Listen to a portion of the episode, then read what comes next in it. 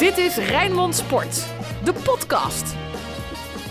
Ja, goedendag. En fijn dat je luistert naar een nieuwe podcast Feyenoord. Die we opnemen op deze teleurstellende zaterdag. Want dat is het gewoon. Als Feyenoord in de eigen kuip niet verder komt dan een 1-1 gelijkspel tegen Fortuna Sittard.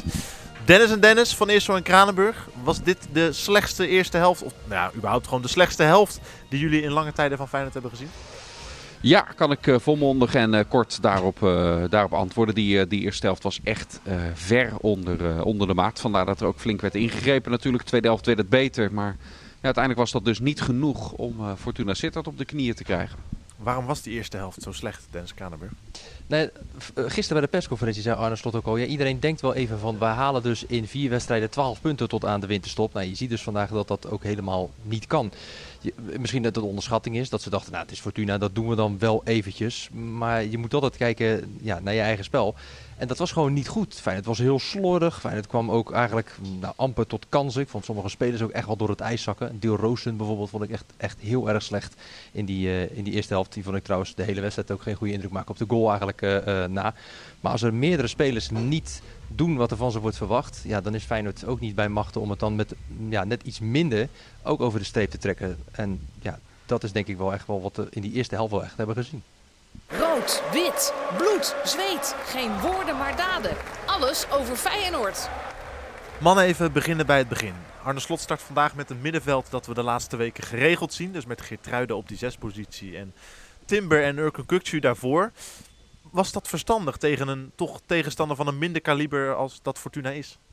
Ja, achteraf bezien niet. Hè. Je moet het hele totale pakket erbij uh, pakken. Waarbij uh, Simanski dus opnieuw op de vleugels uh, start. Um, Pedersen, wat, wat in deze wedstrijd tegen deze tegenstander dat dat niet uit de verf kwam. Um, daar zaten ook andere omzettingen bij die we dus na rust zagen. Hè. Dat Geertruida naar de rechtsbackpositie ging. Simanski daardoor terug kon keren op het middenveld. Je twee echte vleugelaanvallers had. En toen ging het wel wat beter draaien. Stond het misschien ook wel wat logischer in deze thuiswedstrijd. Het is gewoon een heel andere wedstrijd dan... Uh, AZ uit, waarbij het veel meer gelijkwaardig is. Je weet dat Feyenoord 90 minuten lang hoort uh, te domineren. Thuis tegen Fortuna, die komen in principe niet hierheen om te voetballen. Helemaal niet.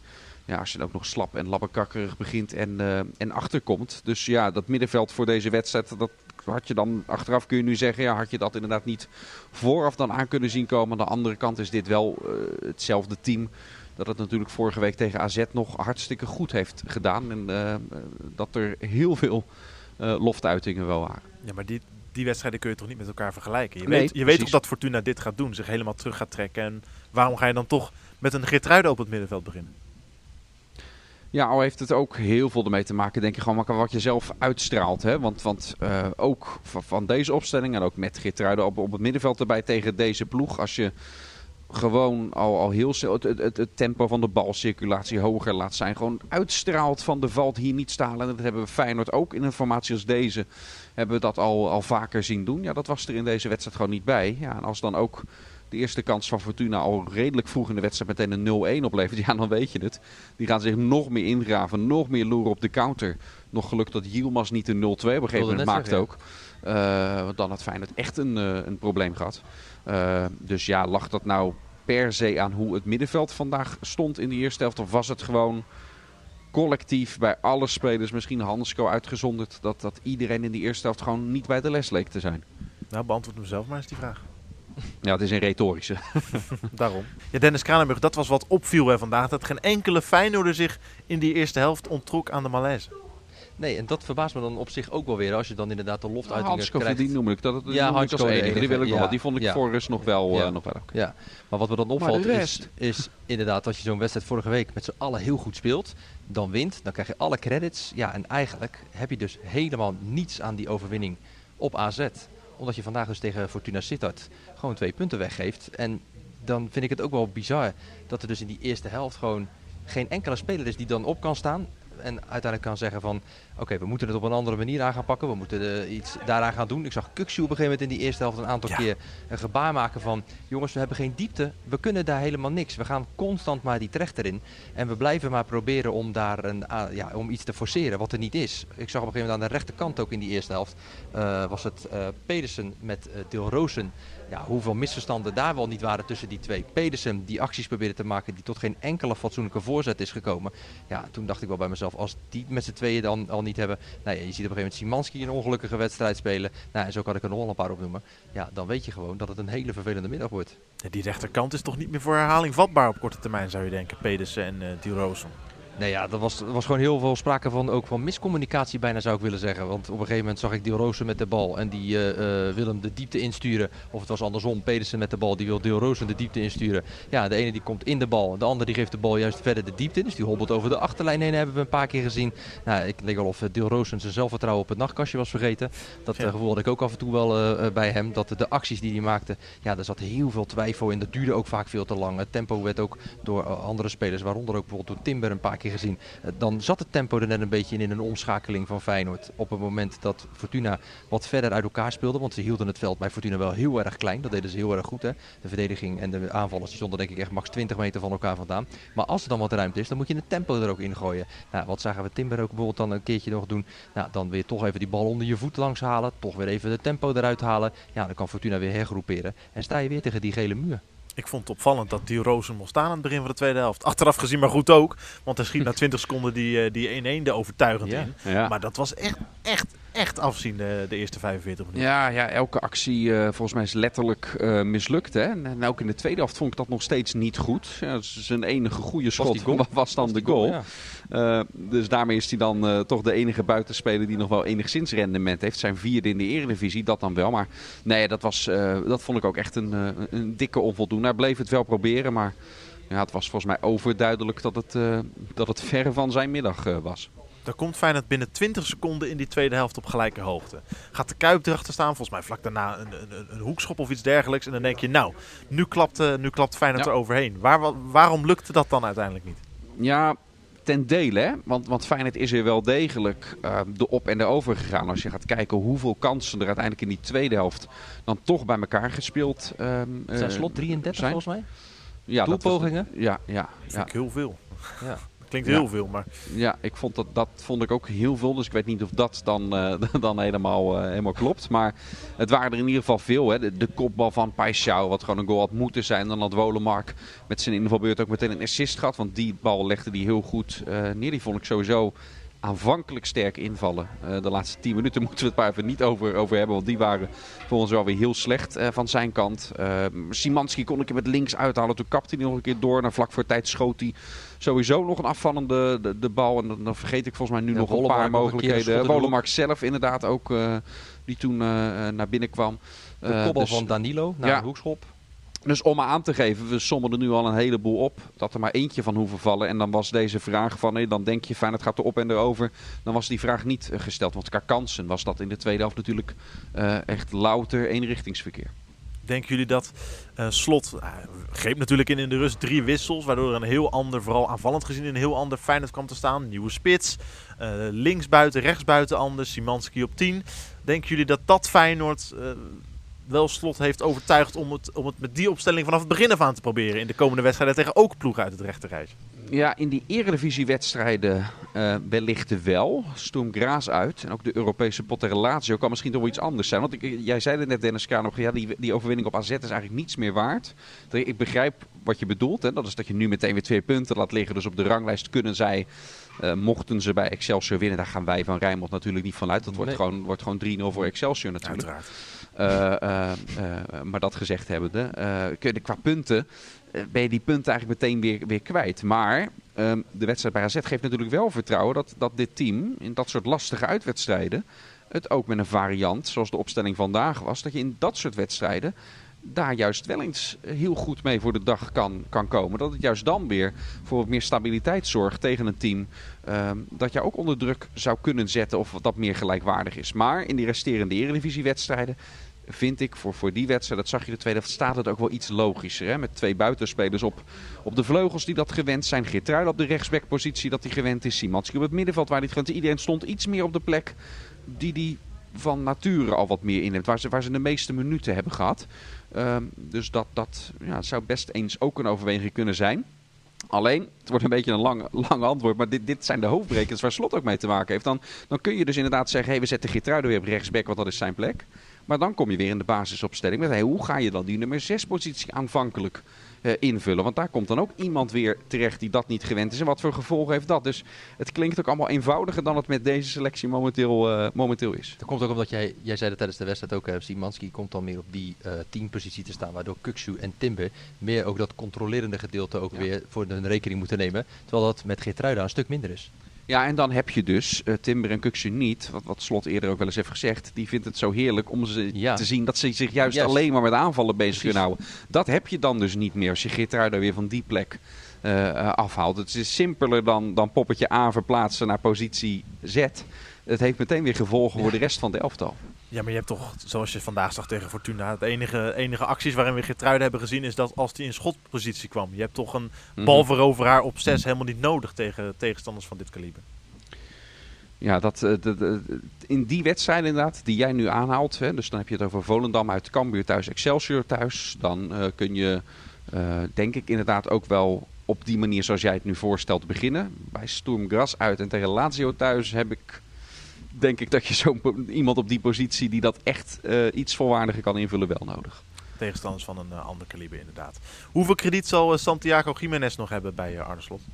Nou, ik, eh, daar hebben we het er net mm, wel over gehad bij die persconferentie. En ik heb wel het idee dat hij nog steeds wel eh, het krediet heeft. Ook van, eh, van eh, Slot. Want hij vond volgens mij, eh, ja, dat had meer moeten brengen. Maar volgens mij had hij ook wel zoiets van, ja... Ik zit even te, zoeken naar de woorden die hij daar nou gebruikte op de, op de persconferentie. Wat hij daar nou letterlijk in zei. Als jij het Nou, hij gaf aan als je het nu gaat in deze wedstrijd gaat vergelijken, zegt is het ook een oneerlijk Ja, vergelijk. oneerlijk Want vergelijk, ja, dat Danilo was beter dan Ja. Jiménez vandaag, maar heel het elftal was in die Ja. tweede helft dat was eh, het. beter. Hij zei, het zit heel dicht bij elkaar. Ja, ik sta er nog steeds zo in als je kijkt hoeveel wedstrijden eh, Danilo heeft mogen eh, starten. Geeft Jiménez ongeveer datzelfde aantal wedstrijden. Zit hij volgens mij nog net niet Ik denk nog aan. eentje, denk ik ongeveer. Ja, zoiets. Dus ehm, ehm, ja, dat zal richting die winterstop. En daarna wordt het gewoon hartstikke interessant. Natuurlijk na die break van zes weken. Wie is dan in die eerste wedstrijd na de winterstop? Wie Ja. start er dan in de spitspositie? Want dat zou wel eens de definitieve En- keuze kunnen zijn. Ja, absoluut. En als je inderdaad Danilo in die eerste helft had laten spelen en die had meegedaan in de malaise met al die andere spelers, dan had iedereen gezegd, zie je nou, die Jiménez die moet er gewoon in, want de Ja. tweede helft gaat het veel beter. De Feyenoorder van de week. Ja, het is maar goed dat er een tweede helft gespeeld werd bij Feyenoord Fortuna. Want op basis van de eerste helft was het heel lastig kiezen geweest. Maar goed, Feyenoorder van de week. Dennis, laat maar horen. Eh, Ja, het eerste ben ik moet ben even een statistiekje Ja, ik eh, had, ben ik, ben ik altijd want- benieuwd wie er begint als ik Dennis ik ga dan eh, beginnen. Eh, ik ga dan toch voor Orkun Kuksu, omdat ik wel vind dat hij, eh, ondanks dat hij dan pas 21 is, hè, de aanvoerder van Feyenoord, zijn ploeg echt bij de hand neemt. Heel erg betrokken is bij het eh, verleggen van het spel. Hij komt de ballen achterin ophalen, is degene die zorgt voor de verplaatsing. Ja, hij was vandaag ook gewoon daarin belangrijk. Hè. Gaf een aantal lange passes die allemaal aankwamen. Die wou ik ook doen. Ik had Ik de, hem- de Opta Johan. spelen. Opta Johan had de, de statistiek ook voor, eh, voor hem. Hij heeft negen kansen voor Nou. ploeggenoten vandaag gecreëerd. De meeste van een Feyenoord-speler in een eredivisie-duel. Dus Sinds Opta de überhaupt sinds Opta de analyses doet. En dat is vanaf 2010. Kijk, Eh, dus ja, met, met die statistiek eh, erbij, dan, dan kan Dus je er dus maar één er nu ja, uit. eh, nou ja, precies. Nee, ik Ja. had die statistiek niet gezien, maar ik, ja, wij zien ook dat hij inderdaad ja, heel erg betrokken is. En dat hij echt wel de, de dirigent in dit elftal van Feyenoord is. En dat hij echt wel degene is die ervoor zorgt dat Feyenoord van achteruit naar voren voetbalt. Is overal bij betrokken, ook zijn verdedigende werk. Dus ja, ik vond hem vandaag echt wel, dan wil ik hem wel uitroepen tot Feyenoord van de week. Hebben jullie nog iets meegekregen van het eh, interview van Kuksje bij de NOS? Waarin hij reageert op het, eh, alle commotie die ontstond na het weigeren van de One Love aanvoerdersband vorig weekend? Niet bij, de, niet bij de NOS. Wel een stukje van het interview dat hij met Hans K. junior had bij ESPN. Eh, maar toen kwam Justin Bijler bij ons binnen. Dus eigenlijk nog amper wat. Dus Nee. vertel, praat ons bij. Ja, hij zegt eigenlijk dat hij er geen spijt van heeft in ieder geval van het weigeren van die band. Hij zegt ik heb respect voor iedereen, maar wil daar geen uithangbord van zijn over die One Love campagne dus. En eh, inderdaad vooral dat hij lo- loyaal is aan zijn geloof, dat hij er nog met zijn imam over sprak en eh, eh, dat het, of, of zijn gevoel echt klopte. En dat de imam dat bevestigde en nou ja, dat bevestigde hij. En hij heeft geen stap meer teruggenomen daarna. Ik denk niet dat iedereen me zal begrijpen, maar het doet me weinig wat anderen zeggen, zei hij ook nog, uh. Kous af daarmee. Wat mij betreft wel. Ja, Nou, helder. Dan gaan we voorspellen. De glazen bol. Ja, ja. Er komt een eh, behoorlijk eh, belangrijk potje aan komende Ja. donderdag eh, in Graas, mannen. 0-0 zit al- gespeeld hè, tegen Salzburg Ja, vandaag. ja, Red Bull Stoelgraas. Salzburg, Aus. Die van Dennis van loei. trouwens, die hoeft niet, want die hebben we een paar weken geleden al Ja, ingevuld. daarom. Nee, ik, ik- ja, ik wil hem nog één keer halen. Oké, ja, dat Die, mag. die roepen toch al een paar weken nu. Ja, trouwens. Het wordt daar 0-1. Gernot Trauner. Kijk. Een mooi moment voor Gernot Trauner. Voor Dat, het- dat hebben we anderhalf seizoen. Eerst heeft Sinclair dat bij elke hoekschop een seizoen lang geroepen. Nu, bij- een paar weken geleden hoorde ik het Dennis Kranenburg meteen, meteen roepen. Ik denk, ja nee, maar het wordt Stoemgras uit. Het wordt Stoemgras uit. Wordt- Dat wordt wordt, ik sla hier ondertussen bijna Ja, tafel door midden. tafel door midden. Wordt het ook uit En een vaccine ligt hier eraf. Het wordt Gernot Trauner 0. Gewoon geen discussie. wordt het Ja. ook uit een hoekschop, of dat niet? Ja, tuurlijk. Ja, Een snoeiharde kopbal. Met een snoekduik. Met een snoekduik. Weet je, zoals Harry het ook Vermeeg voor- hij ooit met- ook voor te Zoals, doen, hè? zoals Harry Vermeegen ooit met, met Jaap Ja, Stam aan het trainen ja. was voor Euro 2000. Dan hoop ik niet dat Trauner nu uiteindelijk een eh, strafschop via de lat richting de maan schiet. Ja. Want dat is hoe het met Stam uiteindelijk eindigde toen op dat, eh, dat toernooi. Nee, Gernot Trauner met een snoeiharde kopbal 0-1. Als dit allemaal uitkomt, Heb ik al gezegd dat het 0-1 wordt? als dit allemaal uitkomt, dan denk ik, Ik niet... ben nog nooit zo zeker in mijn leven van iets geweest. Als. Ik ga hem even overnemen. Zo ik ga dan. dan voor 1-2, voordat Dennis nog een monoloog gaat beginnen over Gernot Trauner, die dus de enige Zullen we dit anders de Dennis van Eersel podcast noemen? Jee, maar, Ja, maar als het echt, als het echt gebeurt. ja, als als het het echt echt gebeurt, dan hebben we gelukkig eh het op band staan. Eh, Dan Eh, hoef, ik dan, ga dan dan hoef jij nooit meer mee te doen, Dennis van Eersel. Dan eh, heb jij voor eeuwig dit, eh, deze Ja. rubriek uitgespeeld. Ja, ja precies. Ik Mag, ga dan nu voor, mag eh, jij, Dennis Eind Kranenburg. 2, uh, Orkun Kuksu, ga ik dan eh, degene eh, noemen die dan de- deze eerste goal voor Feyenoord eh, maakt. Volstrekt Ik wilde eerst zeggen. Gernot Trauner die vanuit een hoekschop met een snoekduik. maar het schijnt dat dat al genoemd is. Ik ben even kwijt wie dat riep. Maar dan maak ik eh, 1-2 Orkun Kuksu. Nee, maar mannen zonder dolle, we doen nu lachen. Ik ben ook helemaal niet aan het dollen. Nee, nee, dat is ook zo. Maar het is een cruciale eh, wedstrijd voor Feyenoord Ja, die, het, nee, zeker. die ja. de tweede seizoenshelft gewoon al voor een groot deel kan gaan bepalen. Ja, ja. Nou ja, als, Fijn, als Feyenoord daar wint, inderdaad, is het sowieso zeker van Europese overwintering. Nog niet op welk niveau. Dat hangt ook van de uitslag af op het, eh, op het andere veld. Hè. Lazio thuis tegen Midtjylland. En Feyenoord krijgt dan zelf de Italianen. Krijgen ze, krijgen ze ook nog. Ja, sinds ik in Denemarken Ja. ben, weet ik hoe ik het moet uitspreken, Ja, goed. Den. Fijn dat jij het nog even in die kleine vlek eh, gaat, zitten, Ja. gaat zitten. Gaat zitten Oh, olievlek. Ja.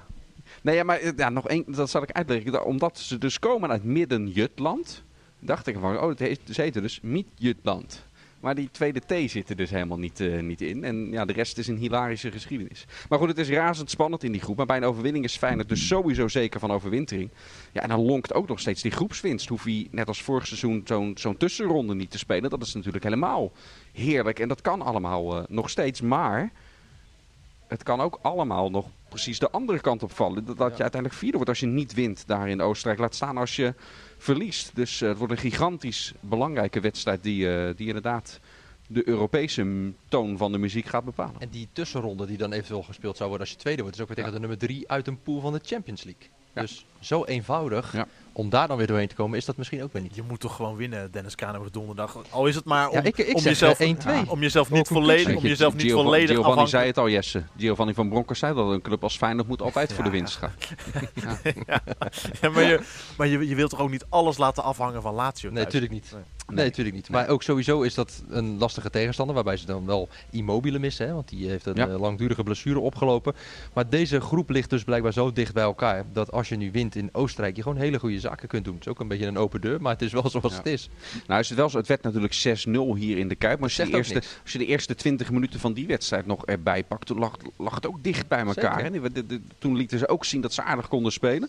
Ik heb nog steeds het gevoel, die Emega raakte toen ehm, ehm, best behoorlijk geblesseerd. Is inmiddels gelukkig voor hem, voor de oud-Spartaan, is weer terug en speelt daar gewoon ook, eh, ook weer. Maar toen die uitviel, leek het ook alsof dat team wat aangeslagen was. En Feyenoord profiteerde er optimaal. Wat, wat, wat vandaag niet lukte met heel veel kans om zijn omzet in goals. Toen was alles ook meteen was, eh, was raak. Dus het kan ook wat zand in de ogen strooien met dat het dan opeens eh, ook nu weer zo gemakkelijk gaat. Dat verwacht ik in ieder geval helemaal niet.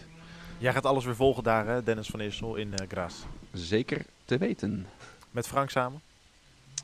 Frank Stout gaat, eh, gaat ook mee die kant op. En eh, ja, dat, dat- wat vandaag ook nog op supportersgebied. Want Frank volgt dan met name altijd Ja. hoe het legioen het daar heeft. En ik ga eh, voor het sportieve die, die kant op, dus voor de wedstrijd. En vandaag werd natuurlijk bekend dat bij, bij honderden Feyenoorders... die hebben het bericht gekregen dat hun, hun kaartje dat ze voor thuisvak hadden gekocht... dat, dat, is, dat die zijn gecanceld. Hè. Die zijn ongeldig verklaard. Dus er zitten ruim 1370 mensen in het uitvak...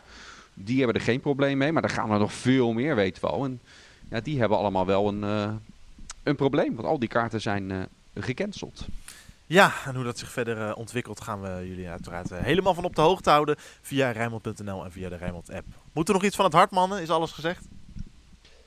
Ja, wat mij betreft wel. Alles is gezegd. Dan is de alles bal... is geschreven. Mooi. Ik dacht, nu komt er nog iets, maar daar blijft Ik het een hele filosofische uh, einde aan deze podcast, maar... Uh, Ik ga er snel een einde aan maken voordat Dennis van Eersel echt te veel in zichzelf gaat geloven. Mannen, bedankt. Dennis van Eersel, veel plezier Kan komende weken. veel plezier en succes komende week in Graas. Jij bedankt voor het luisteren en tot de volgende. Dit was Rijnmond Sport, de podcast. Meer sportnieuws op Rijnmond.nl en de Rijnmond app.